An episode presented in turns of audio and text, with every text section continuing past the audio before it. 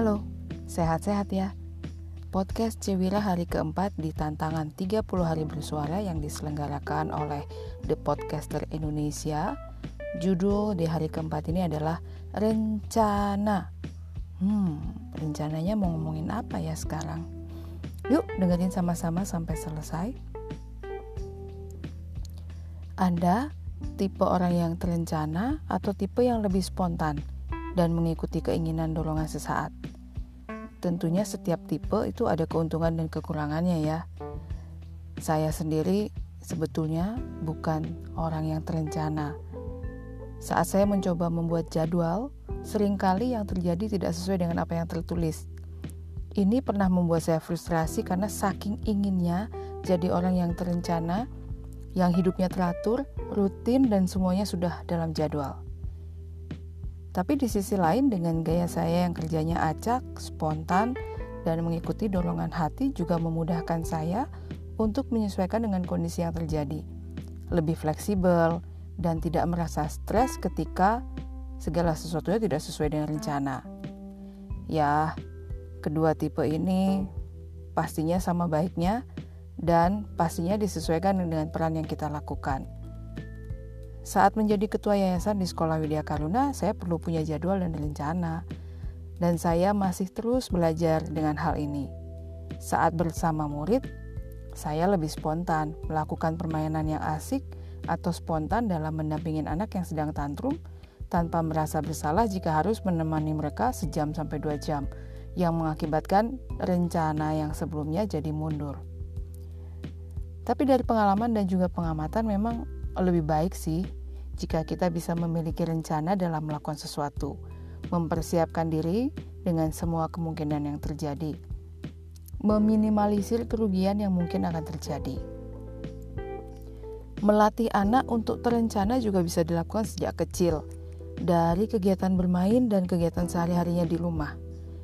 Ketika anak main secara mandiri, dia akan mencari cara untuk menyelesaikan tugasnya dia belajar dari pengalaman itu dan membawa pengalaman itu saat melakukan permainan lain yang tingkat kesulitannya lebih tinggi.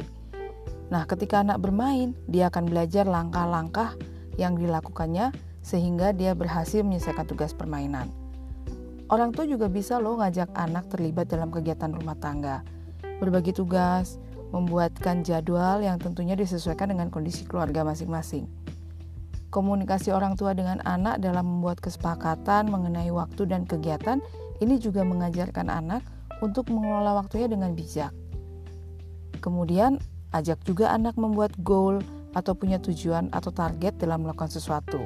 Misalnya, kalau mau ngelap meja sampai bersih, kemudian bagaimana caranya tahapan-tahapannya sampai akhirnya lapnya selesai dibilas dan dijemur.